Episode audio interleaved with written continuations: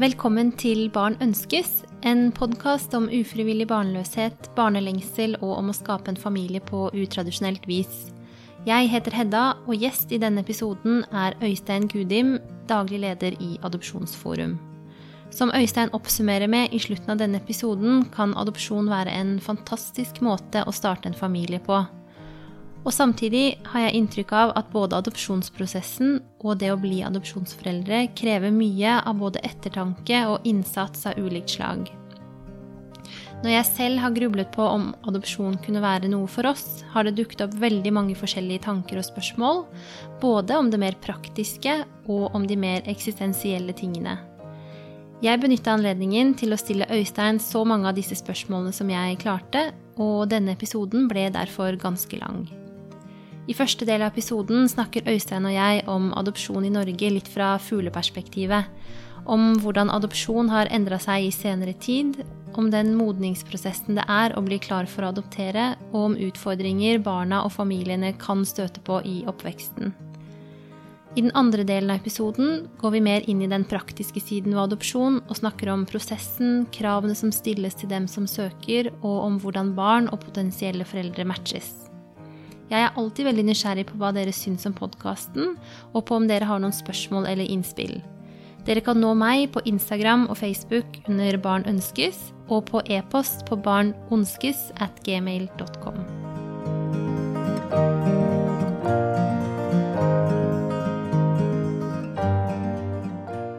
Hei, Øystein.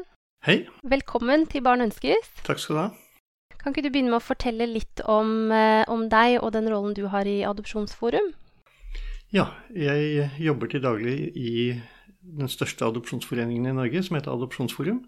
Jeg har vært daglig leder der siden 2005, så det er 14 år siden jeg da begynte i den jobben. Men før det så var jeg medlem av foreningen, fordi kona mi og jeg vi har selv adoptert. Vi hentet en gutt fra Etiopia for snart 25 år siden. Å ja. Så vi har jo selv da en personlig erfaring med adopsjon, og som var en del av motivet for å søke denne jobben. Mm. Spennende. Um, det er jo ikke sikkert at alle som lytter, kjenner så godt til Adopsjonsforum. Vil du si litt kort om, om hva dere jobber med? Ja, Adopsjonsforum ble opprettet for snart 50 år siden, sommeren 1970. Og vi er en organisasjon som punkt én startet med opplysningsarbeid om adopsjon. Rett og slett fortelle hvilke muligheter som fantes når det gjaldt internasjonal adopsjon. Men etter kort tid så begynte vi også med det vi kaller adopsjonsformidling. Dvs. Si at vi hjelper da de familiene som ønsker å adoptere. Eh, og ikke minst så hjelper vi de barna som trenger ny familie. Slik at vi etablerte da et system med samarbeid i ganske mange land, hvor vi da bistår familiene i den litt krevende, men ikke altfor krevende prosessen det er å gjennomføre en internasjonal adopsjon. Mm. Så det er hovedaktiviteten vår. Men eh, som en god nummer to så er jo vi også en interesseorganisasjon. Vi har slåss i mange år for at adopsjonsfamilier skal behandles på like linje med de familiene som føder sine egne barn og får dem på vanlig måte. Eh, det gjelder i forhold til permisjonsregler, foreldrepenger, alt mulig sånt som er litt annerledes for adoptivforeldre enn det er for de som føder sine egne barn. Men der har vi også lykkes over tid med å få på plass mye. Og det vi for tiden jobber mest med, er jo å få bedre oppfølging av familiene etter adopsjonen. Så det er på en måte det andre si, interessearbeidet vi driver med da, ved siden av adopsjonsformidlingen. Og i veldig beskjeden målestokk så gir vi også noe bistand til barn i utlandet. Eh, fordi det er veldig mange barn som kommer til å vokse opp på barnehjem som av ulike grunner ikke kan adopteres, og da vil vi gjerne også gi noe tilbake til de barna som ikke får den muligheten de andre har til å få en ny familie. Mm. Og så, hvis jeg da skal føye til noe, så er vi også en medlemsorganisasjon. Dvs. Si vi er eid av våre egne medlemmer. Og, og det er de familiene som ønsker å adoptere, og de familiene som har adoptert, som er medlemmene som da styrer virksomheten. Mm. Og Det er derfor vi nå er samlet i et landsmøte som vi holder annethvert år. Fordi medlemmene skal også da si litt om hvordan de vil at vi skal jobbe. Mm. Eh, jeg tenkte Før vi går videre med, med, de spørsmålene jeg har, så tenkte jeg bare å si litt om eh, jeg håper å si min innfallsvinkel til intervjuet. For jeg har jo ikke mm, erfaring med adopsjon selv. Men eh, jeg har også vært eh, ufrivillig barnløs og har en IVF-datter. Um, og det var ikke alltid sånn at det så ut som det skulle gå helt i orden. Så, eh, så jeg har grubla mye på dette med adopsjon, om det kanskje kunne være en mulighet å gå, da. Um, og jeg tenker at det er litt det perspektivet jeg har med meg inn i denne episoden også, for dem som er i, i den derre litt sånn tankebåsen. Skal vi Er dette noe vi vil se nærmere på og kanskje gå videre med, da. Mm. Men eh, jeg er litt nysgjerrig på dette med um, adopsjon i Norge i dag, fordi um, um, jeg har inntrykk av at adopsjon har endra seg ganske mye over de siste ti årene. Men kan du si noe om uh, si, hvem er den typiske personen i dag som henvender seg til dere for å sette i gang en prosess, eller kanskje noen grupper, da? Mm. Eh, hvis vi skal si det typiske henvendelsene vi får, hvor folk ber om informasjon om adopsjon, det er gjerne par som har prøvd å få barn en stund. Eh, veldig mange av dem har eh, strevd med å få barn. Mange har, sannsynligvis et flertall, har også vært innom forsøk med IVF, altså med prøverør og lignende. Eller assistert befruktning på forskjellig vis. Ehm, vi spør jo ikke, eh, med mindre folk forteller det selv, men vårt inntrykk er at flertallet av de som søker om adopsjon, de har vært gjennom en prosess i flere år med å prøve å få barn, og så finner de ut at dette gikk ikke helt som vi planla, og da kommer adopsjon i neste runde. Unntaksvis så har vi også de som vil gå rett på adopsjon, altså som ikke ønsker å føde egne barn av ulike grunner. Det kan være medisinske grunner eller andre ting. Um, men det typiske paret er kanskje et par på 35 pluss som ønsker seg barn, og som har ønsket seg det en god stund. Mm. Så har vi også noen som uh, kanskje har født et barn selv, men så av f.eks. medisinske grunner får beskjed om at det er for høy risiko ved å føde et barn til, og at det da kan være en mulighet å adoptere barn nummer to eller tre. Mm. Um, vi har også enkelte enslige som søker, og vi har også i de siste årene også fått likekjønnede par som søker om adopsjon. Men det er et ganske nytt fenomen, og foreløpig forholdsvis få. Mm. Jeg leste litt i årsberetningen deres at um, antall søkere, eller altså antall nye søkere, har sunket i senere tid. Vil du si litt om hva du tenker er årsakene til det? Ja, jeg vil si at det er tre hovedårsaker. Det ene er jo at langt flere enn før lykkes med assistert befruktning. Hvis vi går 15 år tilbake, så snakket man om at det var kanskje 700-800 barn som ble født hvert år i Norge som resultat av assistert befruktning. I dag så ligger vel tallet nærmere 2000. Slik at veldig mange av de som kanskje før ville søkt om adopsjon, de lykkes i dag med å få egenfødte barn med medisinsk hjelp. Så det er den ene viktige årsaken, at vi så at i det øyeblikket antall barn født med assistert befruktning gikk opp, så gikk antall nye søkere på adopsjon ned. Den andre årsaken eh, henger nok sammen med at eh, det har blitt færre barn som frigis til internasjonal adopsjon. Det mest kjente eksempelet er kanskje Kina. For 15 år siden, 10-15 år siden så ville alle adoptere fra Kina, for det gikk fort, og man fikk små jentebarn, gjerne på under et år, og alle ville til Kina. Og det pleier jeg å sammenligne litt med da, som en motorvei hvor alle ser at oi, det er en nabofil som går fortere, og så legger alle seg over i den fila, og så stopper det helt opp. Mm. Slik at den raske, enkle adopsjonen fra Kina, den forsvant. Dels fordi kineserne endret sine egne regler, og dels fordi det ble for mange søkere i køen. Det var altfor populært, og da ble det som en motorvei hvor alt korker seg fordi alle skal ligge feil sted i, i kjørebanen. Og den tredje eh, årsaken var det at i en lang periode så var det en økt ventetid for å adoptere. Og Det betydde jo at adopsjon ble mindre attraktivt eh, når man plutselig ikke lenger kunne få barn i løpet av et år eller to, men hvor man snakket om fire år, fem år og seks år. Og det er klart det gjorde at etterspørselen også sank. Mm. Men det, det, bildet har endret seg. altså Nå er ventetiden på vei ned igjen, nettopp fordi det er færre folk i kø. Ja, det er jo flott. da, Det visste ikke jeg. Jeg trodde det fortsatt var sånn veldig lange ventetider. Um, jeg er også litt nysgjerrig på dette med hvor mange utenlandsadopsjoner uh, er det i Norge årlig i dag ca.? Både hos, eller totalt da, med de tre organisasjonene? De tre organisasjonene i Norge som har tillatelse til å formidle adopsjon, hadde i fjor 95 adopsjoner til sammen fra utlandet. Og det er det laveste tallet siden vi begynte, begynte å lage slik statistikk på 70-tallet. Så rekordåret var i 2002. Da hadde vi 747 adopsjoner til de tre foreningene. Altså to per dag sånn i løpet av et kalenderår. Mens det nå i fjor da var nede i 95, mm. fordelt på tre foreninger. Så det er klart det er et voldsomt fall i antall. Vi håper jo fortsatt at dette skal stabilisere seg, eventuelt gå litt opp, men det er for tidlig å spå at det skjer. Og det fallet vi hadde i fjor, var faktisk mye større enn alle foreningene hadde ventet. Mm. Og det er litt komplisert å forklare, men noe av forklaringen er at det er for få søkere som har papirene sine i utlandet. Det er mange søkere som er i prosess i Norge og venter på norsk godkjenning. Så tar det så lang tid å bli godkjent i Norge at vi ikke får fylt på søknader i utlandet fort nok. Er det sånn? Ja.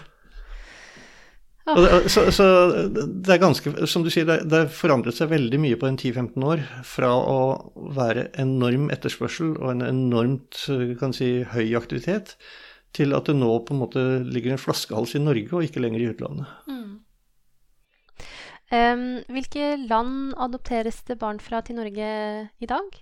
Um, I dag så er vel de tre største landene er vel Colombia, Sør-Korea og sannsynligvis Sør-Afrika som nummer tre. Eh, hvis du ser historisk på det, så er Sør-Korea det landet hvor det har kommet flest barn til Norge. ikke gjennom vår forening, men gjennom en forening som heter Verdens Barn. Eh, en god nummer to er Colombia. Og inntil for kort tid siden så var da Kina helt klart eh, store, men Kina er, nå i ferd med å stoppe helt opp. Slik at uh, de tre landene er de som det har kommet flest fra gjennom tidene. Men nå er det f.eks. Sør-Afrika som er et langt viktigere land enn det Kina var. Mm. Er det mange som adopteres fra andre land i Europa? Det er mulig å adoptere fra Europa. Uh, vår forening har ingen land i Europa for tiden. Vi har hatt uh, tidligere Russland, vi har hatt Polen. Men i dag så er det Ungarn og Bulgaria som er de to europeiske landene det er mulig å adoptere fra. Og det er da en tredje forening som heter Inoradopt, som har de to landene. Mm. Eh, jeg har fått noen spørsmål fra lyttere om dette med mm, forskjellen på land. Eh, om det er land som det er enklere å adoptere fra, eller som, om det er stor variasjon i ventetid eller krav som stilles til søker. Ja, det er en del variasjon. Altså, I utgangspunktet så skulle landene ha relativt like regler, for det finnes en internasjonal konvensjon om adopsjon som sier noe om hvordan standarden skal være. Men i praksis så ser vi at det er en god del forskjell fra land til land. Det ene er hvor lenge f.eks. et ektepar må være gift. Det er veldig få som aksepterer samboere. Ehm, det er også f.eks. ulike krav til økonomi, utdanning, helse. Så det som kan passere i ett land, er ikke sikkert passerer i et annet land. Uh, og det er jo det som adopsjonsforeningene er flinke på, er jo det at vi veileder søkerne. Uh, når vi vet litt mer om søkerne, kan vi si at land X passer, mens land Y passer ikke for dere. Mm. Fordi det er litt ulike krav. Ja. Alle land lager litt forskjellige regler. Um, ventetiden er også variabel. Men igjen så er det veldig vanskelig å si gjennomsnitt, fordi i et land som Colombia, som er vårt viktigste land, så hadde vi én adopsjon i fjor som ble gjennomført på ca. et år. Fra start til mål.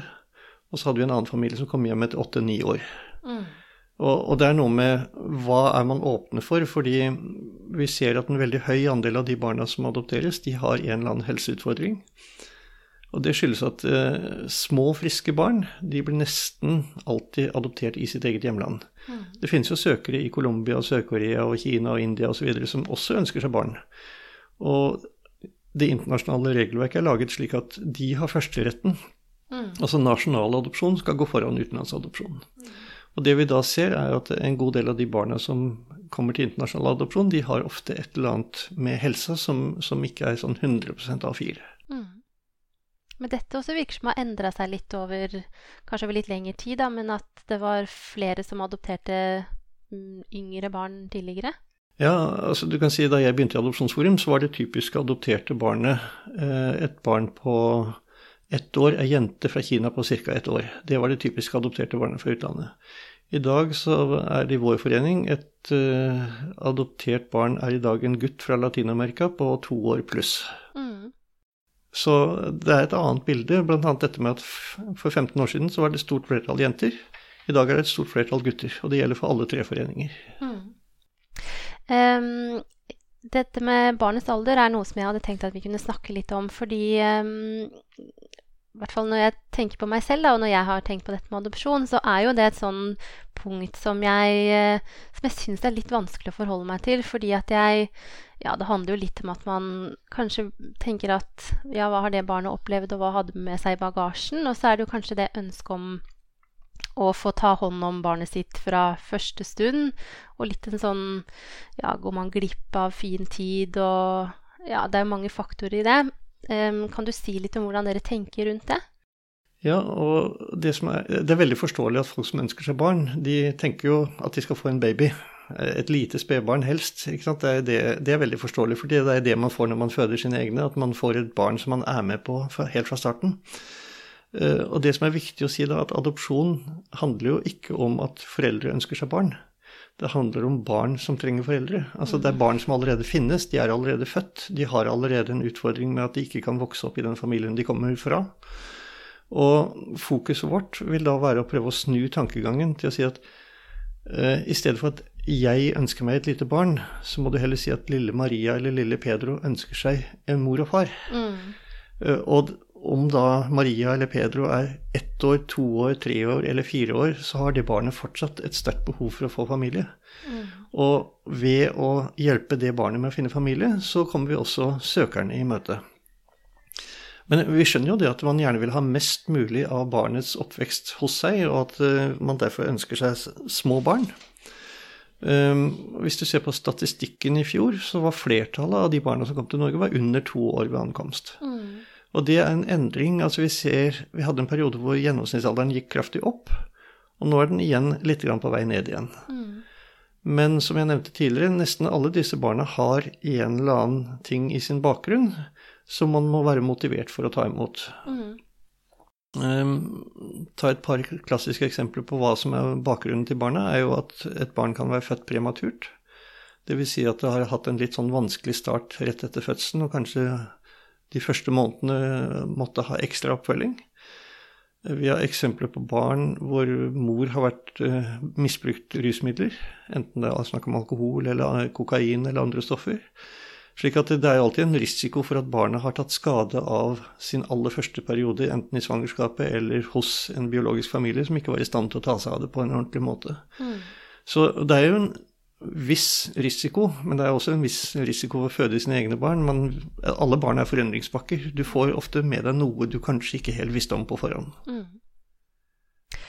Og da Nå håper jeg foregriper vi spørsmålsrekka mi her litt, men eh, jeg leste litt på nettsiden deres om, om dette at man får noe informasjon om barnets helsetilstand og sånn, men, men, at uh, det er jo mange av disse utfordringene som kanskje ikke vil vise seg før senere. Jeg har prematurt barn selv, så jeg mm. vet jo at uh, helsestasjonen flere år etter fødsel sjekker jo fortsatt mange ting, f.eks. da.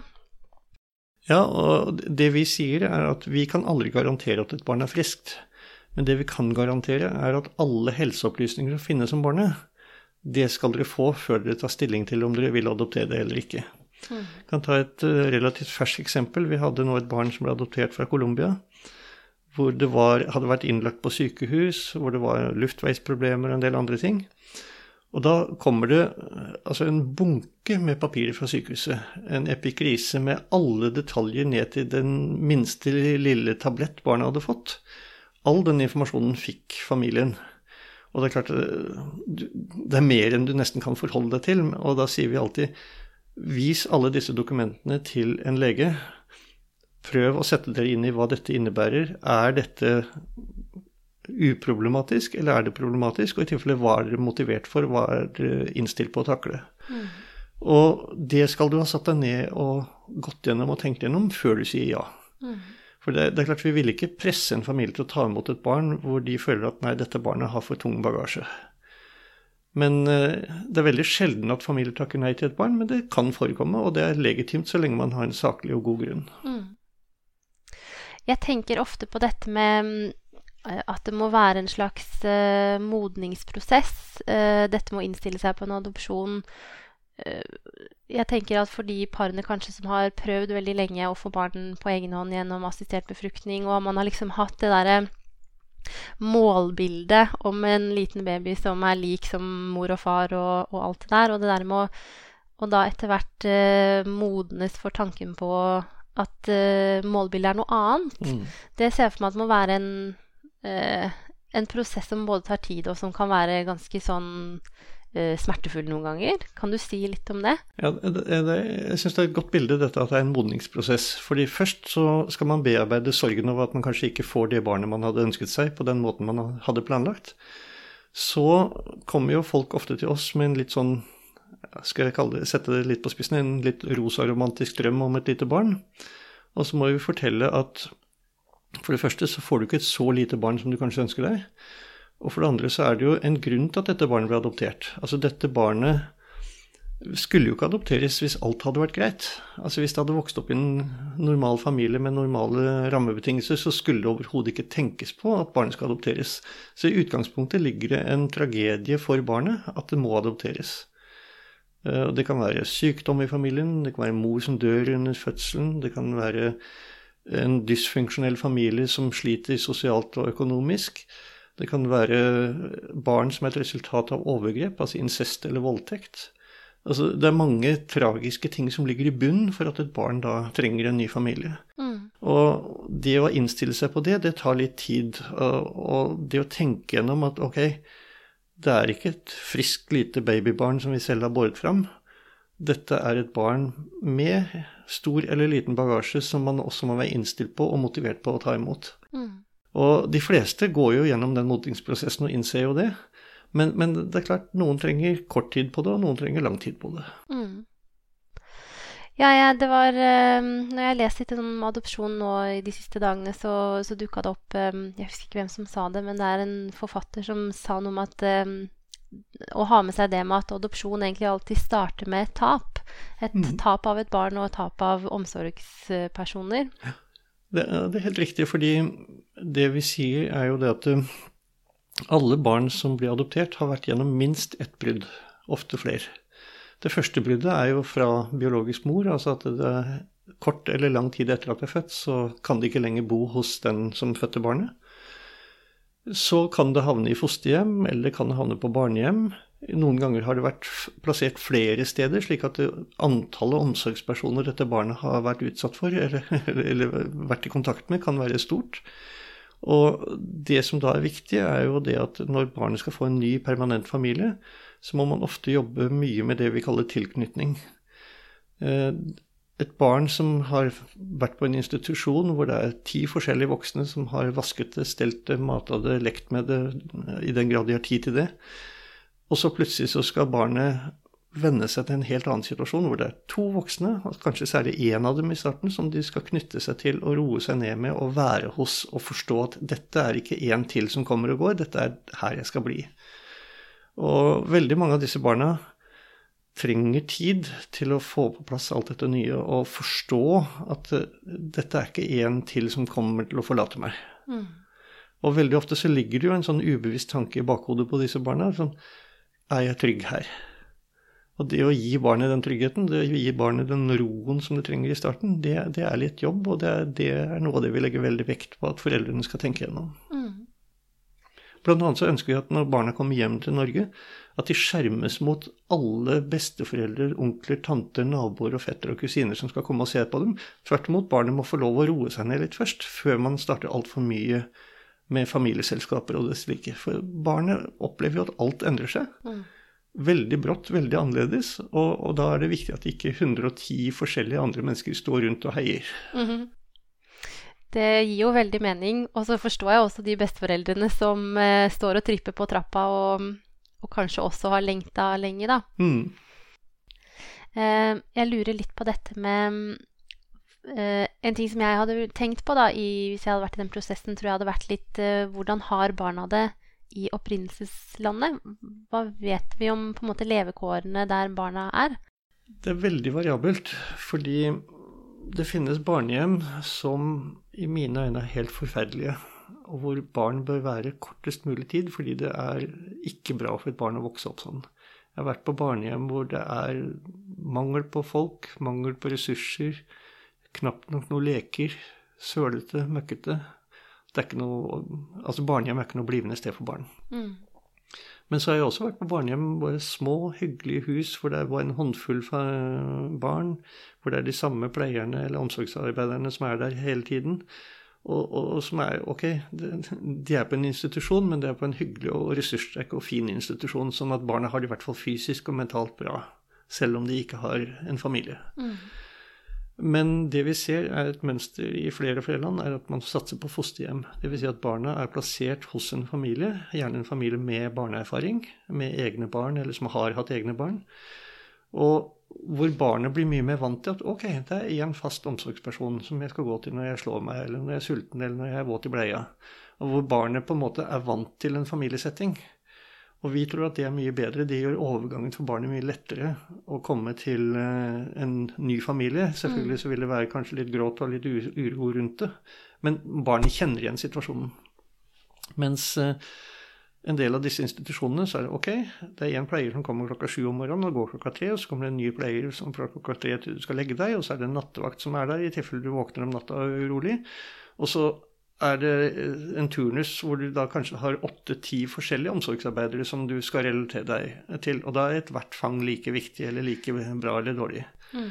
Og, og, og det, er en, det, er nettopp sånn, et barn som da nettopp vil ha problemer med tilknytning, fordi barnet er ikke vant til at det er én eller to personer som jeg skal gå til hvis jeg har noe som plager meg. Mm. Så det at barn har vært i fosterhjem, er langt å foretrekke framfor at det har vært på en større institusjon. Mm. Så det er stor variasjon, med andre ord. Ja. Og når jeg snakker om barnehjem som er helt forferdelige, og barnehjem som er helt bra, da snakker vi ofte om samme land. Det kan ja. være innafor samme land veldig stor variasjon på kvaliteten på barnehjemmene. Ja. Men eh, hva vet dere om hvordan det går for familien og barna den første tiden etter adopsjonen? De aller fleste håndterer det ganske bra. Um, men det er klart det er litt forskjellige utfordringer, litt avhengig av hva slags uh, barn de har fått. Altså Det er veldig forskjell på å få en ettåring som ligger og babler og liksom er, fortsatt er litt baby, og det å få en fireåring som kanskje allerede har vært et år i barnehage, og som uh, kanskje, eller en treåring som er i trassalderen. Det, det, er klart at det er ikke én fasit og ett svar her. Ehm, det som er viktig, er at de foreldrene vet litt hva vil det si å få en toåring versus å få en fireåring. Hva er det man skal være bevisst på, hva er det man må passe på? Altså, vi kan jo ikke gi folk en sånn fasit på hvordan et barn er eller håndteres, men, men vi må gi dem en del råd på veien om at er, du må sette deg inn i hva slags barn er det du skal ta deg av nå. Det er ikke et lite barn som ligger og pludrer, det er kanskje en veldig aktiv to-treåring som farter rundt, og som på en måte trenger litt andre rammer. Mm. Jeg tenker at man må jo ha litt eh, svart belte i foreldreskap før man egentlig nesten har begynt. Ja, altså det, det, er jo det som er Det, det er omtrent sånn som når man skal søke den første, første, jobben, så skal man helst ha erfaring først mm. for å få jobben. Mm. Og sånn er det med det å bli foreldre også, at du skal helst vite masse om barn og ha erfaring med barn før du får barn. Mm. Og, og, det er jo en av grunnene til at det holdes adopsjonsforberedende kurs. For det er jo nettopp for at foreldre skal forberede seg på hva er det de nå tar på seg, hva er det de nå skal i gang med. Ikke bare selve søknadsprosessen osv., men nettopp dette med hvordan skal de håndtere dette å få et barn som et stykke på vei er formet litt før de får dem. Mm. Ja, fortell litt om eh, hva adopsjonsforberedende kurs er for noe. Ja, Tidligere så ble slike kurs holdt av eh, adopsjonsforeningene fram til rundt 2006. Ehm, men fra da av så ble dette et statlig ansvar, slik at det er Barne-, ungdoms- og familiedirektoratet som holder disse kursene. Og fra 2015 så ble det også obligatorisk at man må ha gått et sånt kurs for å bli godkjent. Tidligere så var det sånn at noen eh, gikk kurs, og noen gikk ikke. Og vi syns det er veldig bra at det nå er blitt obligatorisk. Dette er kurs som holdes over to helger, hvor de da kommer sammen, en gruppe familier som da er underveis i samme prosess. Hvor de da i den første helga snakker om hva er adopsjon, hvilken motivasjon har du for å adoptere, hva slags forestilling har du om hva dette er for noe. Mm. Og så hvor man da noen uker senere møtes på nytt, den samme gruppen, med de samme kurslederne, hvor de da snakker mer om hva har dere tenkt i mellomtiden siden forrige gang, øh, hva har dere gjort for å forberede dere på å sette i gang adopsjonsprosessen, hvilke tanker har dere gjort om barnets helse, barnets utvikling, har dere tenkt over hva ordet tilknytning betyr? Hva kan dere gjøre for å fremme tilknytning til det barnet dere kanskje skal få om en stund? Mm.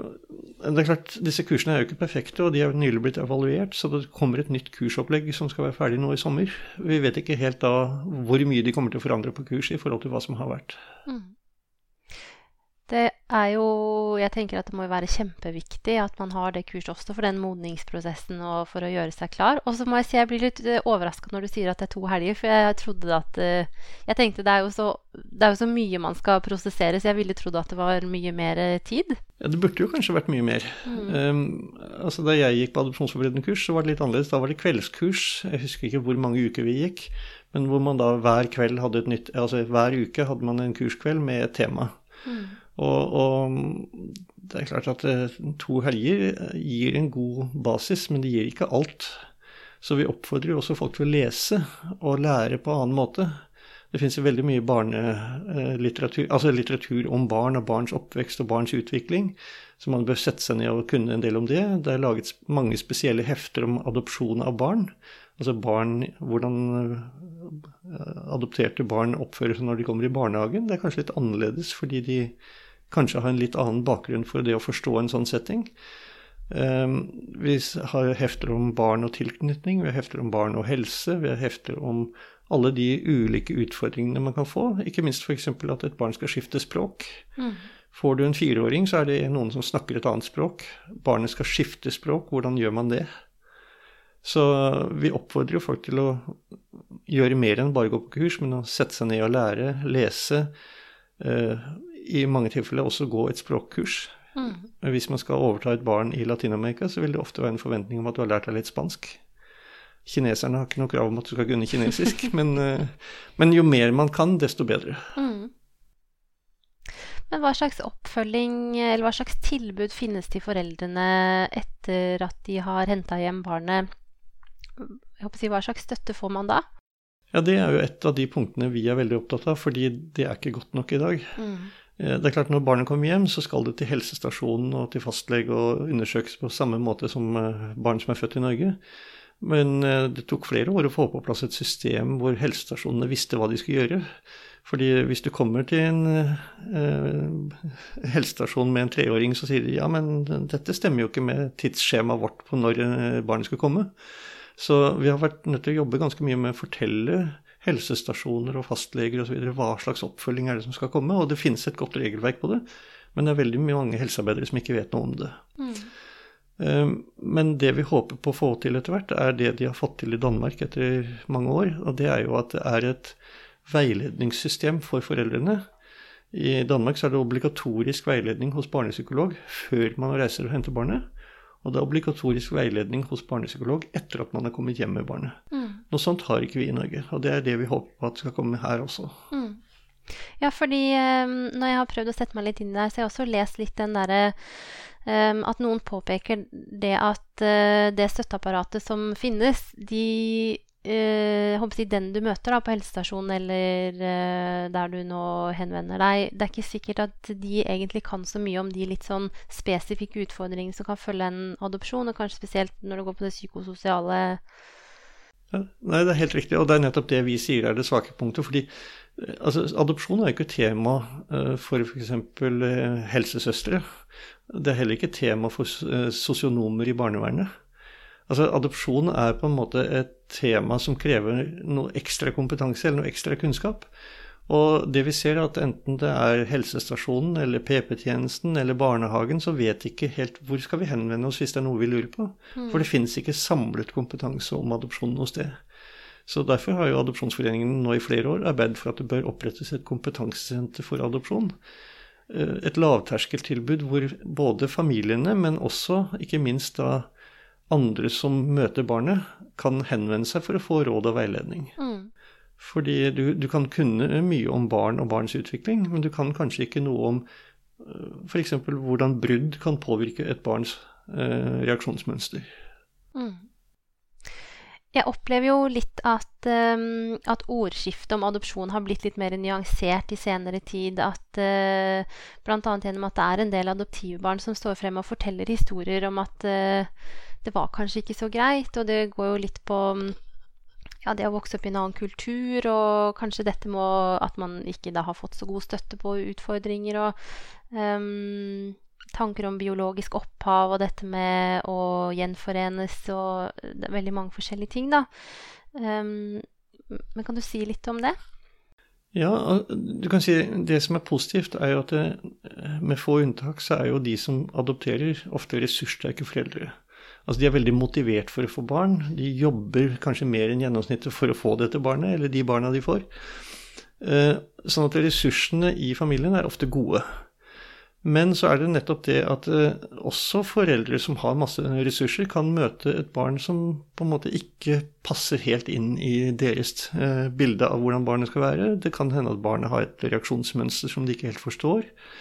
Vi ser at noen barn er urolige, utrygge, du kan oppleve f.eks. at barnet sengeveter mye lenger enn det som er vanlig.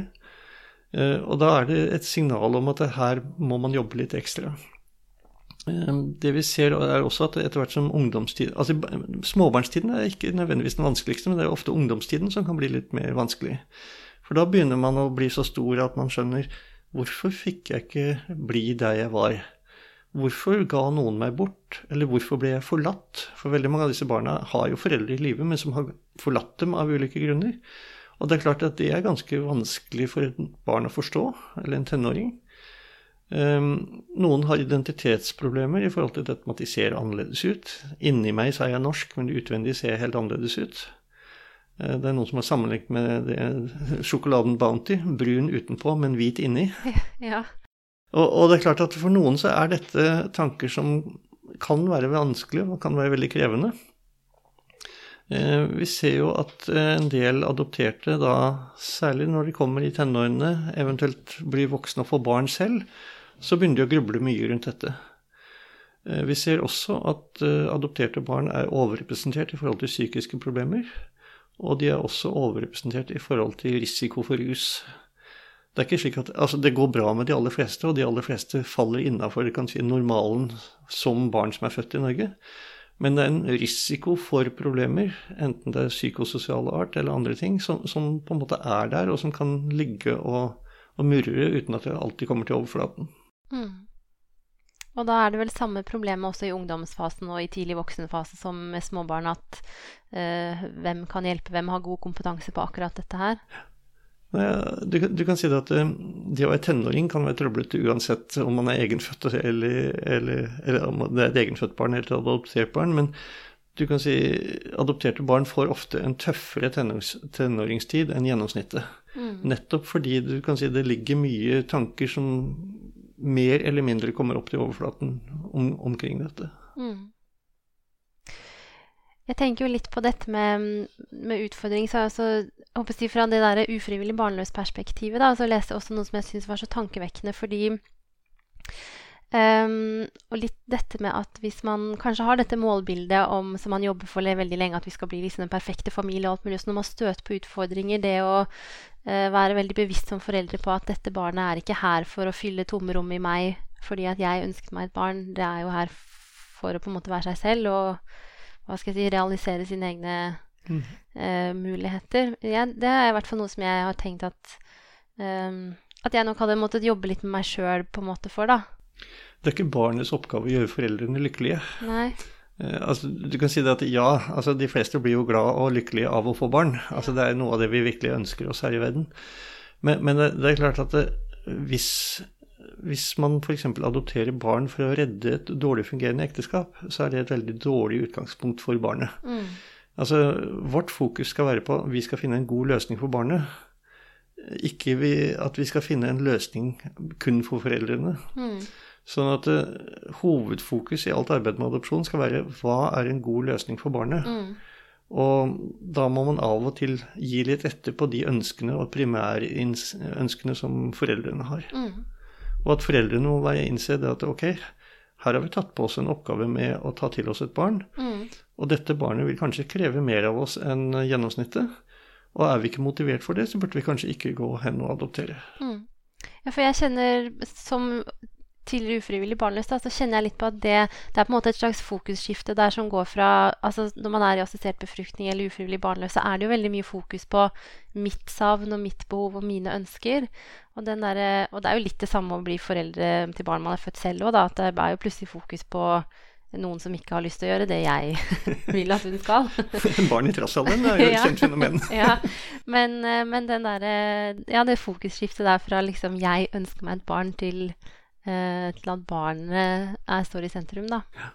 Nei, Det er derfor jeg, for å provosere folk når de kommer Vi holder av og til sånne åpne dager hvor folk kan komme og høre foredrag og lære om adopsjon og få veiledning. Og da pleier jeg av og til å provosere folk med å si at vi jobber ikke for dere i det hele tatt. Mm. Vi jobber for barna. Men hvis vi finner en god løsning for barna, så har vi også funnet en løsning for dere. Mm. Og, og, det sier jeg nettopp for å provosere folk til å tenke med at eh, ok, her er ikke fokus jeg, meg og mitt. Her er fokus faktisk en tredjeperson og et barn som allerede finnes. Og så må man ut fra en sånn tankegang snu seg litt rundt og si hva kan jeg gi dette barnet? Hva kan vi gi dette barnet, sånn at det får en trygg og god oppvekst? Mm. Men um litt tilbake til dette med at, uh, at det der synet på adopsjon har blitt litt mer nyansert, og at det også har vært en del kritikk, da, egentlig. Uh, jeg har liksom alltid litt sånn naivt kanskje tenkt at adopsjon er en en vinn-vinn-situasjon, og så skjønner jeg liksom at det er litt mer nyansert enn som så, men man kan vel fortsatt si at det er en en vinn-vinn? Ja, det, det, er enig i. Altså, det er primært en vinn-vinn. Altså, barn som har en vanskelig start i livet, får en familie, forhåpentligvis da en god familie, en god oppvekst og et trygt og godt liv. Og voksne som har ønsket seg barn, får jo barn. Og, og de aller fleste adoptivfamilier er ganske like gjennomsnittsfamiliene, bortsett fra at barna kanskje ser annerledes ut. Um, det er ikke sånn at adoptivfamilier er veldig spesielle familier. De er ofte ganske normale, vanlige familier. Det er bare det at de har fått barn på en litt annen måte enn flertallet. Mm.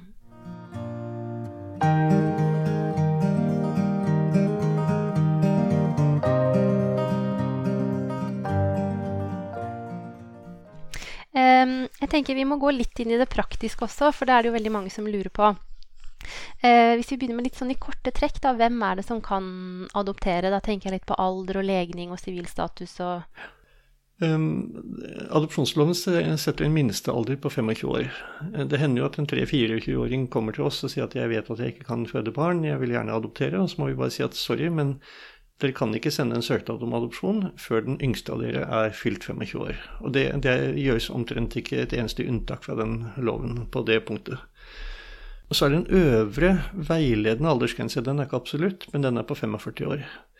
Det betyr ikke at det er umulig for noen over 45 å adoptere, men man ser kanskje på gjennomsnittsalderen til et par. Hvis den ene er over 45 og den andre litt under 45, så ser man på noen cirka på gjennomsnittet. Eh, hvis man er over 45, må man også kanskje være innstilt på det at barnet ikke er veldig lite.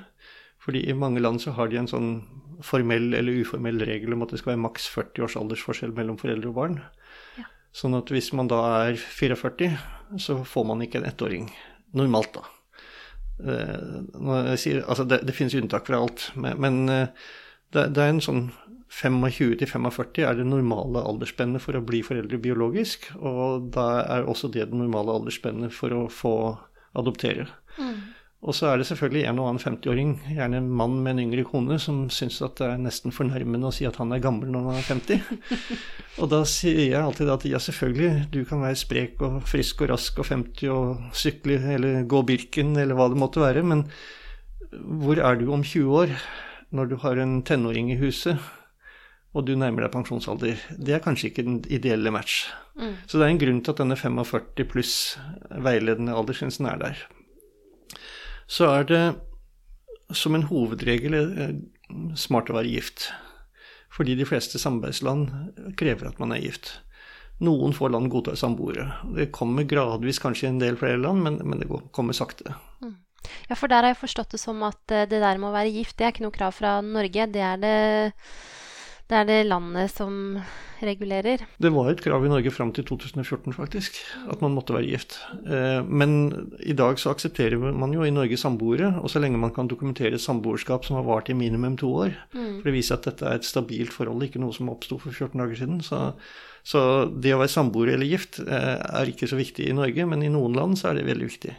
et katolsk land som Filippinene f.eks., så er tanken på at et ugift par skal adoptere barn, det er, det er fy-fy. Mm. Når det gjelder dette med legning, så er det klart at de aller fleste som adopterer, er heterofile par. Du kan ha enslige søkere, men det er ikke så mange av dem som kommer i mål, fordi det stilles noen krav til enslige søkere som er ganske krevende. Eh, men for få år siden så ble det åpnet opp for at også likekjønnede par kan adoptere. Og det har vært lov i Norge i mange, mange år. Men i utlandet har det ikke vært noen mulighet før den kom første gang i 2015.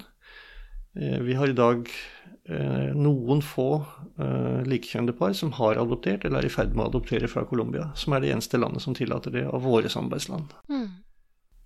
Det vi er opptatt av, er jo verken alder eller legning eller sivilstatus, men om de er gode omsorgspersoner. Men vi er nødt til å forholde oss til de lovene og reglene de forskjellige landene har. Mm.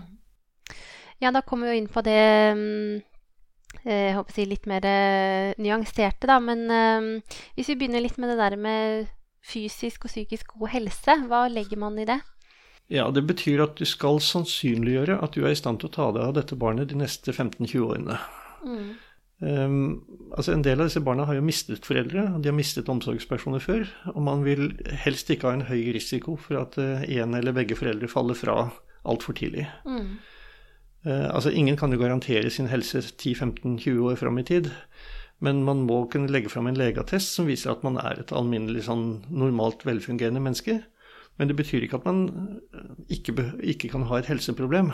Eh, det er et eksempel da. Diabetes er i Norge en sykdom som de aller fleste Eller, eller sykdom er kanskje feil ord, men altså det, det, er en lidelse som du kan ha, og som du kan håndtere godt fordi vi har et godt helsevesen og et godt opplyst eh, system hvor folk får hjelp og råd og kan holde denne eh, tilstanden i, under kontroll. Mm. Mens i en del andre land så får de jo angst hvis de ser at oi, mor med diabetes. Diabetes er høyrisiko fordi man ikke har et godt system for helsevesenet. Mm. Slik at eh, noen ganger så kan det som i Norge er innenfor det som anses som håndterbart, blir ansett som et større problem i utlandet, hvor man har mindre erfaring med det. Mm. Det er ikke noe i veien for at man kan adoptere selv om man f.eks. har en lettere funksjonshemming, men det må ikke være en funksjonshemming som hemmer din mulighet til å vise omsorg for barnet. Mm. Eh, noen ganger så kan faktisk en funksjonshemming være en fordel. Eh, vi hadde eh, hørselshemmede foreldre som adopterte et døvt barn. Og da var faktisk det at de kunne tegnspråk, var jo da et en fordel mm. for dette barnet. At her kommer barnet faktisk til en familie som vet hvilket handikap barnet har, og forstår hvordan det handikapet kan håndteres på best mulig måte. Mm. Så det å ha en funksjonshemming eller helseutfordring kan være et problem, men det behøver ikke være et problem. Mm. En litt sånn spesifikk ting som jeg har tenkt på der, er dette her med at uh, hvis man holder på med assistert befruktning eh, lenge, så er jo det en veldig tøff livssituasjon. Og for noen så gir det utslag i f.eks. sykemelding, da, eller at mm. man ikke helt Det gjør jo noe med livsmestringen å være i den livssituasjonen lenge. Og det har jeg noen ganger tenkt sånn Er det noe som øh, håper jeg vil kunne bli brukt mot deg, litt sånn i hermetegn, ja, hvis man har vært sykemeldt, f.eks., da?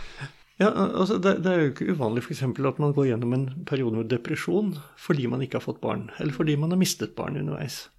Og i Norge så vil vi si at ok, du har vært gjennom en vanskelig periode, du har vært gjennom en krise eller to. Du har kanskje gått til psykolog, du har bearbeidet sorg og, og, og vanskeligheter.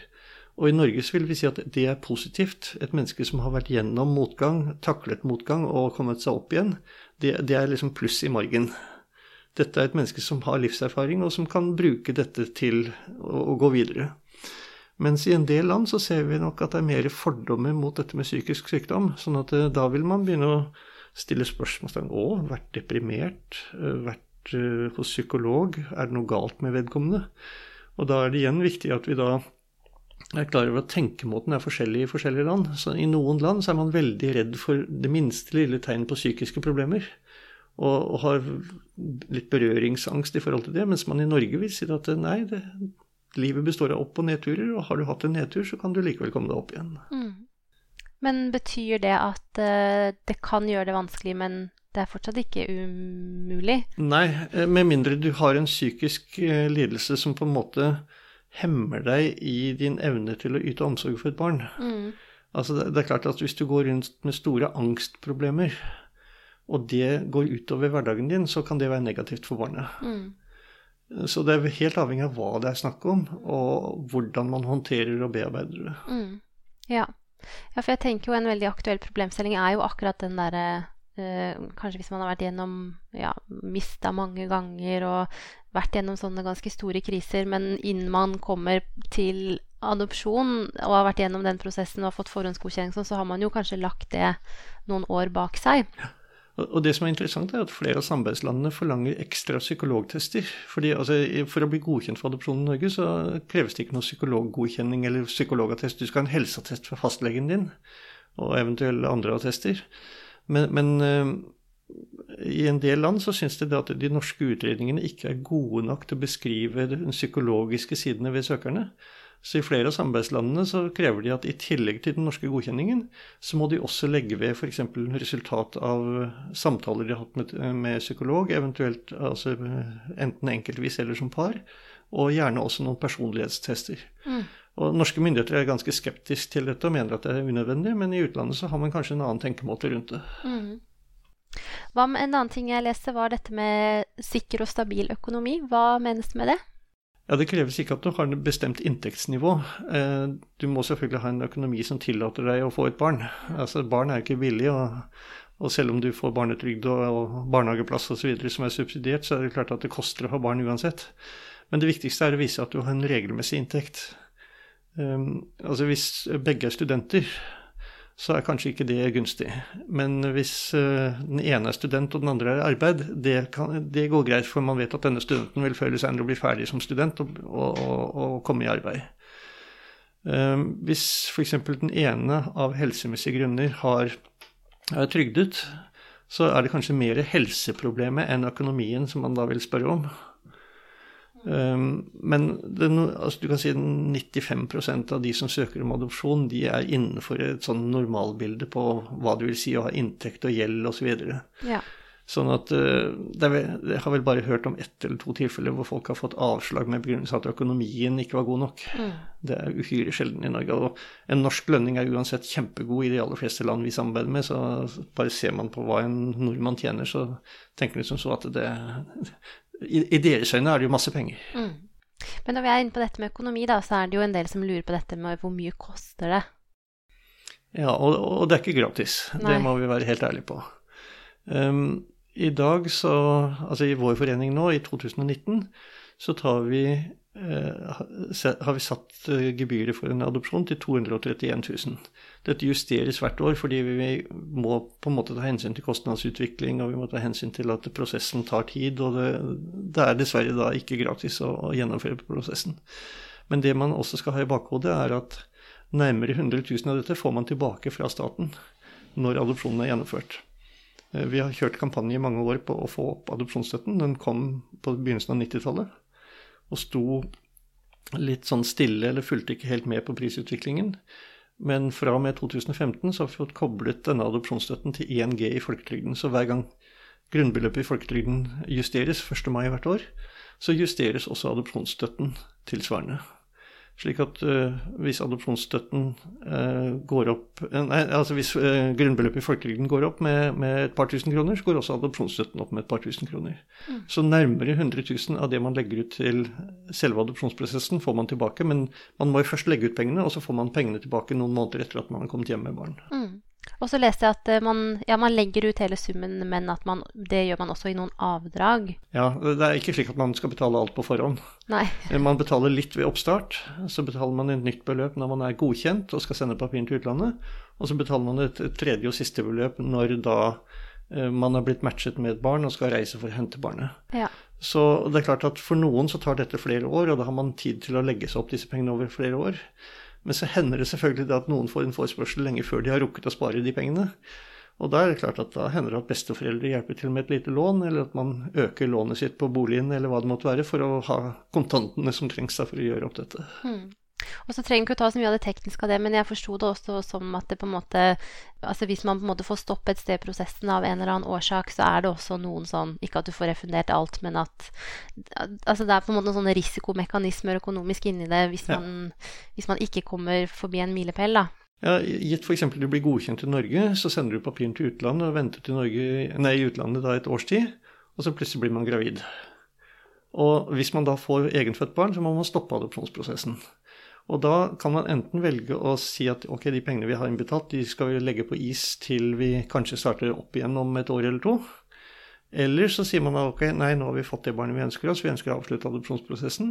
Og da betaler vi tilbake etter visse regler da det som ikke er brukt opp av pengene man har betalt. Mm. Slik at uh, man må regne med at noe av pengene går med, for vi skal jo ha betalt for den jobben som er gjort så langt, inkludert oversetting av dokumenter og masse annet. Men, men, det er klart at det, er ikke slik at eh, man mister alle pengene. Nei. Men når du sier eh, det gebyret på 230 ish, så er det Altså det dekker kostnadene dere har, og i de administrative kostnadene, på en måte. Men reisekostnader og det oppholdet i, um, i landet det kommer i tillegg. Mm. Og der er det jo også store variasjoner, fordi hvis du skal reise la oss si til Filippinene, så snakker vi om en 10-14 dagers opphold. Og det er som å dra på en litt dyr sydentur. Um, sånn at det er en reise som ikke er veldig kostnadskrevende. Hvis man f.eks. skal adoptere fra Madagaskar, så må man være innstilt på å være på Madagaskar i tre måneder. Fordi det er en juridisk prosess der som er helt annerledes enn på Filippinene. Mm. Og det er klart det å være borte fra jobben i tre måneder og, og, på en måte bo enten på hotell eller leilighet eller hva man leier. Eh, det koster. Selv om Madagaskar er billigere i landet enn Norge, så er det klart det, det, det koster penger. Mm. Slik at uh, man må også ta det med i regnestykket. Mm. Og, og, dette er ikke kostnader som inngår i det man får igjen fra adopsjonsforeningene osv. Altså dette, dette er penger som man da må også ha i tillegg. Mm. Og det kan jo bli veldig mye, som du sier. Men eh, jeg håper å si, når begynner foreldrepengene å løpe, da? De kan man få også allerede mens man er i utlandet. Mm. Men det er idet man får omsorgsoverdragelsen? Ja, i det øyeblikket vi har fått bekreftet at eh, en familie har overtatt omsorgen for et barn, selv om det ennå kan være 30 dager igjen til det er juridisk rettskraftig osv., det kan vi melde da inn til Nav, slik at de kan få behandlet sin søknad om foreldrepenger allerede da. Mm. Men det, det, folk gjør når de er på hentereise med barn og vet at de skal være borte mange uker, det første er at har man ferie til gode, så starter man med å ta ut ferie. Så har man krav på velferdspermisjon ved adopsjon, akkurat som i fødsel. 14 mm. dager for hver av dem. Hvorvidt de er med eller uten lønn, er jo avhengig av hva slags avtale man har på jobben. Og så um, er det selvfølgelig slik at eh, noen får dette til å gå på et vis. Vi vet jo at av de familiene som har vært borte i mange måneder, så er det noen som har en jobb hvor de delvis kan jobbe, fjernjobbe. Altså man kan sitte på et uh, hotellrom i Colombia eller på, på, et hotell i, i Madagaskar og, og, være litt på jobb. Mm. Sånn at det finnes ulike måter å løse dette på. Mm. Men det er viktig å vite det på forhånd, hvert fall, tenker jeg, så man kan planlegge for det i god tid. Ja. Men hvis vi går litt tilbake til dette med godkjenning, da, så har, Nå har vi jo snakka litt om eh, både helse og økonomi, men eh, hvilke andre krav er det som stilles til hjemmet og sosiale forhold og Altså, så lenge du bor i en normal norsk leilighet eller bolig av et eller annet slag eh, altså Det behøver ikke være en stor bolig, bare den har plass til et barn og ikke er helseskadelig på noen som helst måte. Så, altså, Enhver normal norsk eh, leilighet vil eh, være grei for godkjenning. Altså, nå kommer jo Myndighetene kommer jo hjem til deg, og de skal intervjue dere hjemme hos dere sjøl når dere skal adoptere. Og noen syns jo det høres veldig skummelt ut. Jeg kjenner jo noen som jobber litt med sånne hjemmebesøk. Og de sier at i veldig mange tilfeller så lukter det grønnsåpe, nytrakta kaffe og gjærbakst når de kommer. Og det, det, er ikke det de kommer for å sjekke. De skal ikke sjekke om du er flink til å bake eller flink til å støvsuge. De er først og fremst opptatt av å finne ut hvem er dere, hva er motivet for å adoptere, hvilke tanker har dere gjort om barn, har dere prøvd å få barn lenge, hva er bakgrunnen for at dere gjør disse valgene? Hvordan er familiestrukturen? Har dere besteforeldre? Har dere andre i støtteapparatet rundt? Hvordan fungerer dere som par? Det er det de er opptatt av, ikke om det er støv i krokene. Mm. Men hvor trangt er det nåløyet der, da?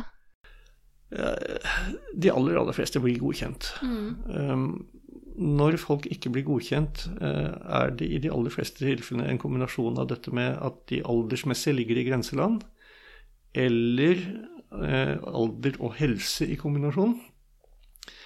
Og vi har vel også vært borti familier som har en del barn fra før, hvor man sier at ok, kanskje man mener at de barna de har fra før, er nok, og at ikke de har kapasitet til å ta seg til seg et barn til. Mm. Det er ikke så veldig vanlig, men det kan forekomme. Altså, vi, vi, har jo en familie som adopterte seks barn. Og det er klart at når de kom og skulle søke om adopsjon nummer seks, så var det jo noen som liksom hevet litt øyenbryn og sa at trenger dere det da? Det da? Mm. Men de ble godkjent, og de fikk barn nummer seks. Mm. Eh, når jeg har fått inn spørsmål fra, fra lyttere, da, så, så, merker jeg at dette med en sånn uro for å ikke bli godkjent, det er nok en del som tenker på det. Og det, kan, og det gir seg utslag i ganske sånne konkrete spørsmål som jeg har fått, f.eks. Eh, eh, den ene av oss har en jobb med mange reisedøgn, vil, vil det ha noe å si? Eller altså eh, Er det sånn at eh, Er det mange sånne, sånne forhold som kan stå i veien? Eh, det kan være det. Det er litt avhengig av hva man gjør. fordi vi har f.eks. folk som jobber turnus i Nordsjøen. Eller folk som jobber skift på sykehus, eller hva det måtte være. Og Det er klart at det er ikke alle som har barnevennlige jobber. Og, altså Det er veldig greit for alle som har sånn åtte til fire-jobb, hvor man kan hente og bringe i barnehagen hver dag, og hvor alt er regelmessig. Men det er jo ikke alle som har sånne jobber. Det som er litt viktig da, er å kunne forklare hvordan ser vi for oss en hverdag når det plutselig kommer barn inn i familien.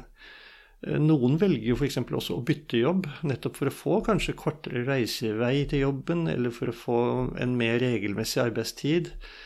Eh, men det er ikke et sånn absolutt krav om at man må ha en standard arbeidstid innenfor barnehagens åpningstid. Mm. Men da er det viktig at man kan gjøre rede for hvordan har vi tenkt å løse dette i hverdagen. Hvordan, hvem henter i barnehagen? Hvem bringer? Har vi noen som backer opp hvis plutselig mor er syk og far er bortreist? Mm. Altså Har man naboer eller besteforeldre eller noen andre som kan være støttenettverk hvis det skulle oppstå en krise? Mm. Jeg fikk også et spørsmål om ehm, Nei, det er litt sånn spesifikt, kanskje, men et spørsmål om dette Og jeg vet ikke hva det gjelder, men eh, om man håper å si har noe eh, hva skal jeg si, noen pletter i sin fortid. da, eh, At man har gjort noe dumt, kjørt for fort og vært en uke på ildseng og spikra noen paller eller et eller annet. Ja, altså, alle mennesker er jo ikke perfekte, og vi har alle gjort noe dumt eller galt en eller annen gang i livet. Altså, Man skal ha en politiattest for å, for å kunne adoptere. Og Da kreves det det som kalles en uttømmende politiattest. Dvs. Si hver minste lille merknad politiet har på deg, blir lagt fram for den norske godkjenningen. Mm. Hvis det da f.eks. står at ja, du har kjørt for fort eller mistet lappen, Ok, eh, Var det i fjor, så er det kanskje et dårlig tegn. Var det for ti år siden, så vil det neppe bli tillagt stor vekt. Mm. Hvis du da kan vise at du har kjørt fornuftig og kanskje tatt til vettet siden. Mm. Det samme er, la oss si, hvis du har blitt bøtelagt for offentlig fyll i russetida, så er det noe som man ikke legger stor vekt på i Norge når du er 32, og det vil heller ikke være med i en politiattest som skal til utlandet. Mm. Men uh, har du mer alvorlige ting, altså voldskriminalitet, narkotikakriminalitet eller, eller, lignende, så kan det faktisk føre til at man uh, får avslag. Mm. Det er ikke så veldig vanlig, men det kan forekomme. Og så hadde vi et tilfelle uh, Jeg må bare passe på å ikke røpe noe taushetsbelagt her. Det, det, var en familie hvor mannen var dømt for underslag. Mm. Og det lå også mange år tilbake i tid. Og han hadde sonet ferdig, betalt tilbake det han hadde underslått. Og etter norske tenkemåten så var dette opp og avgjort og et tilbakelagt stadium. Men eh, da søknaden ble sendt til utlandet, så kom søknaden i retur med beskjed at uh, denne søkeren holder ikke den moralske standard vi forventer. Mm. Og da er igjen forskjellen på norsk tenkemåte, som sier at ok, har du gjort noe galt, gjort opp for deg, så er vi ferdig med det. Mm. Mens i utlandet så mente man at nei, dette er en karakterbrist som på en måte vi ikke kan se gjennom fingrene med. Mm. Ja, for jeg hører jo hele tiden når du snakker nå, så er det én ting er hva man kommer gjennom med i Norge, men så er det også et, eh, et land som skal eh, mene noe om hva som er innafor og ikke, da. Men, men uh, igjen, det er forskjell på hva slags politiattest som brukes i Norge. Altså I Norge skal det en uttømmende politiattest hvor alt står. Mm. Altså Jeg ble bøtelagt for ulovlig fravær for siviltjenesten. ikke sant? Og bøtelagt, jeg tror det var 50 kroner, jeg fikk en bot. ikke sant? Det står der, og det, det er jo i dag en vits. ikke sant? Ja. Mens gammelt rask som ikke er av stor betydning, blir ikke med i en vanlig politiattest som skal til utlandet. Nei. Altså gamle ting er sletta da. Mm. Ja. En ting som uh, jeg syns vi skal snakke litt om, er det der med uh, Jeg har oppfatta det som at uh, man skal være ferdig med assistert befruktning før man går inn i en adopsjonsprosess. Kan du si litt om det? Ja, og det er et krav fra norske myndigheter. Det er ikke et krav som Adopsjonsforeningen har funnet på.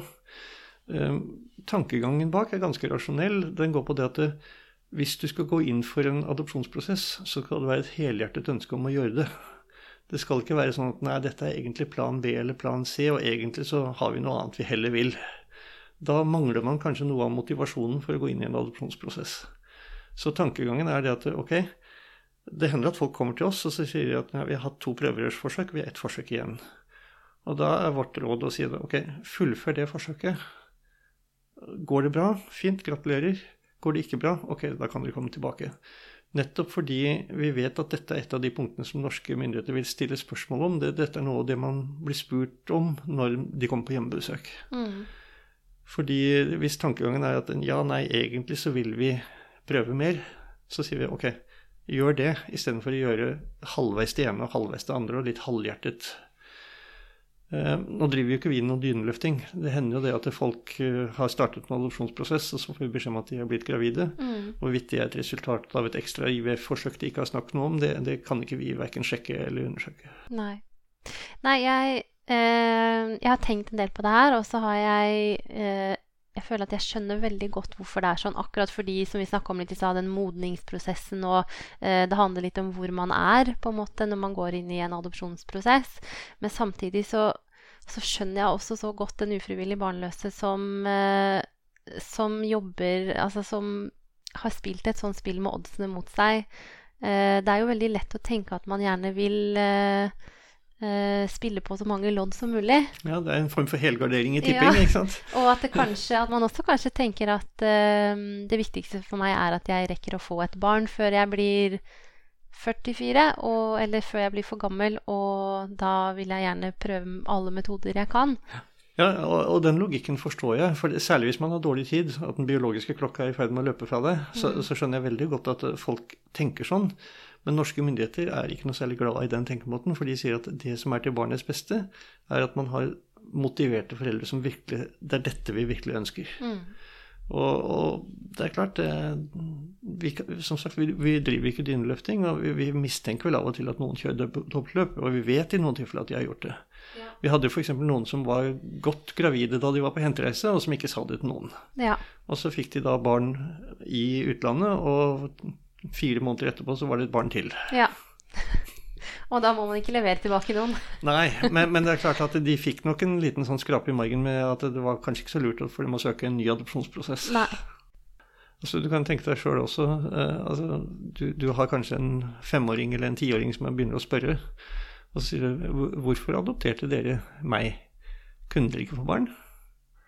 Og, og så kan det hende at uh, hvis du da svarer at nei, egentlig så var vi ikke var ikke adopsjonen vi egentlig valgte. Vi måtte ta til takke med deg. Altså Nå mm. setter jeg det på spissen. At det, det kan oppfattes sånn av barnet at oi, de ville kanskje egentlig hatt et eget født barn, de ville egentlig ikke ha meg, og så ble jeg liksom plan B. Mm. Og, og, og, man skal være litt bevisst på hvordan man ordlegger seg når man skal forklare sånt til barn. Mm. Um, jeg tror ikke vi Eller vil du bare ta en sånn Klarer du å ta en sånn super kortversjon med prosessen? Kortversjonen i Norge er at først må du ta kontakt med en adopsjonsforening. Fordi du må melde deg inn i en av de tre godkjente foreningene for å få plass på adopsjonsforberedende kurs. For de vil ikke holde kurs for folk som ikke allerede har satt i gang litt. Så når du har gått kurset, først da kan du søke om adopsjon. Og det er en ny regel som kom i fjor sommer, som ikke vi er så veldig glad i. Mm. For det betyr at det tar lengre tid før du kan sette i gang søknadsprosessen, for du må fullføre kurset først. Så når du da har sendt inn søknad, blitt utredet av eh, norske myndigheter og fått godkjenning, så skal alle papirene dine samles inn på nytt, fordi alle legeattester, politiattester og økonomiattester og alt det du skal sende til utlandet, det må være datert etter godkjenningen din. For du kan jo i teorien ha gjort noe kriminelt i mellomtiden. Mm. Eller fått en endret helsesituasjon i mellomtiden. Så etter at du er godkjent, så må alle papirene samles inn på nytt og oversettes og legaliseres. Og det er en jobb som vi da gjør. Mm. Enten det er til kinesisk eller gassisk eller fransk eller engelsk, så, så, har vi et system for å hjelpe til med å få alle papirene slik som utenlandske myndigheter skal ha dem. Så sendes de til utlandet, og så er det også i utlandet forskjellige prosesser. Noen ganger må du vente flere måneder før du får beskjed om at ja, du er godkjent her også, og nå ligger du i køen. Mens i noen land så gir de ingen tilbakemelding før du eventuelt får en forespørsel. Og så er systemene i utlandet forskjellige. Noen steder så er det en administrativ prosess som er relativt enkel. Andre steder så er det en domstolsbehandling som krever at du møter opp i domstolen, forklarer din situasjon det er, med tolk, som vi stiller med. Ehm, og hvor det da kan ta tid fra dommeren har behandlet saken, til dommen er rettskraftig. Så alle land har litt forskjellige systemer, det er ingen som er helt like. Men hovedregelen er at enten er det en administrativ prosess, og de er ofte ganske korte, eller så er det en juridisk prosess som kan ta tid. Mm. Kan du si litt om, eh, om den, si litt mer om den eh, adopsjonsprosessen i utlandet? Jeg kan ta et eksempel på hvordan det foregår i to land. Eh, I Filippinene så er det slik at når man har et barn som da skal tildeles, så får en sosialarbeider for barnehjemmet får tilsendt ti mapper, altså fra ti familier. De kan være fra hvor som helst i verden. Det kan være én fra Spania, to fra USA, og én fra Italia og én fra Norge osv. Av de ti så skal de plukke ut det de mener er de to beste familiene for dette barnet. Oi. Og de to går da til en finale i en komité hvor det sitter da en jurist, en lege, en psykolog, en sosialarbeider, en representant for barnehjem osv. Og, og så skal de ta den endelige beslutningen om hvem av disse to som får forespørselen. Og de ni andre de vet ikke at de har blitt vurdert. De får aldri vite det. Og, og, derfor så er det ikke sånn at det, det nødvendigvis er i kørekkefølge at man tilhører barn, men man leter hva er det dette barnet trenger? Mm. Og hvilken av disse ti familiene tror vi er det beste matchen for dette barnet? Mm. I et annet tilfelle, Colombia, der er det litt annerledes. Da er det tre familier som skal plukkes ut. Og da, komité, da går det rett til en komité, og så får da komiteen de tre her er en fra Sverige, en fra Italia, en fra USA. Eller her er det en fra Norge, en fra Italia og en fra USA. Og så skal dere se på hvem av disse tre skal få forutførselen. Mm.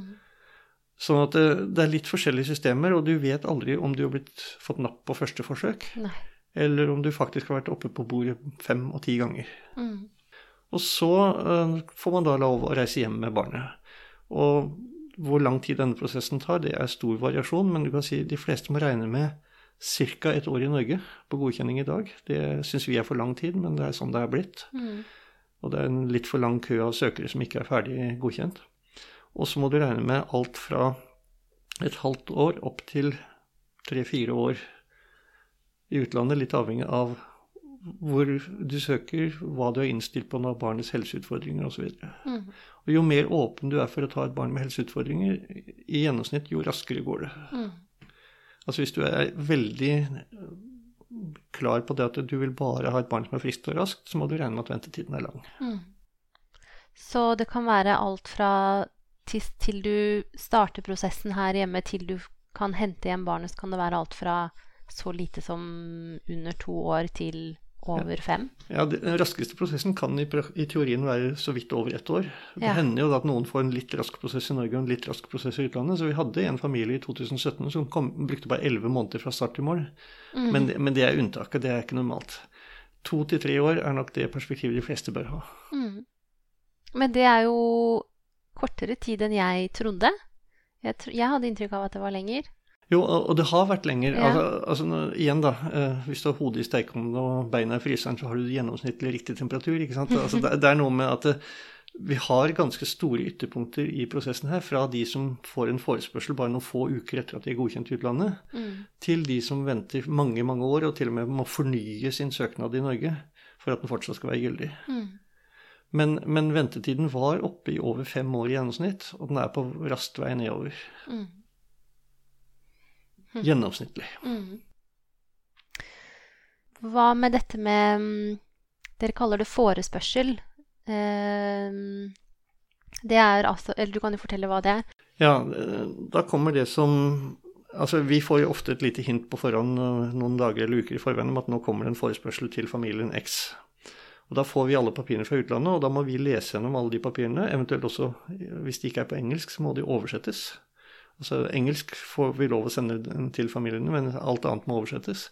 Så må vi lese gjennom at eh, det er papirer her som stemmer med den godkjenningen familien har. I forhold til alder, i forhold til at de oppfyller kriteriene. Og så er jo regelen at hvis det står noe om barnets helse som tilsier at her må vi ha en ekstra vurdering, så må så får familien bare anonymisert informasjon om barnet, hvor navn og bilde er sladdet vekk.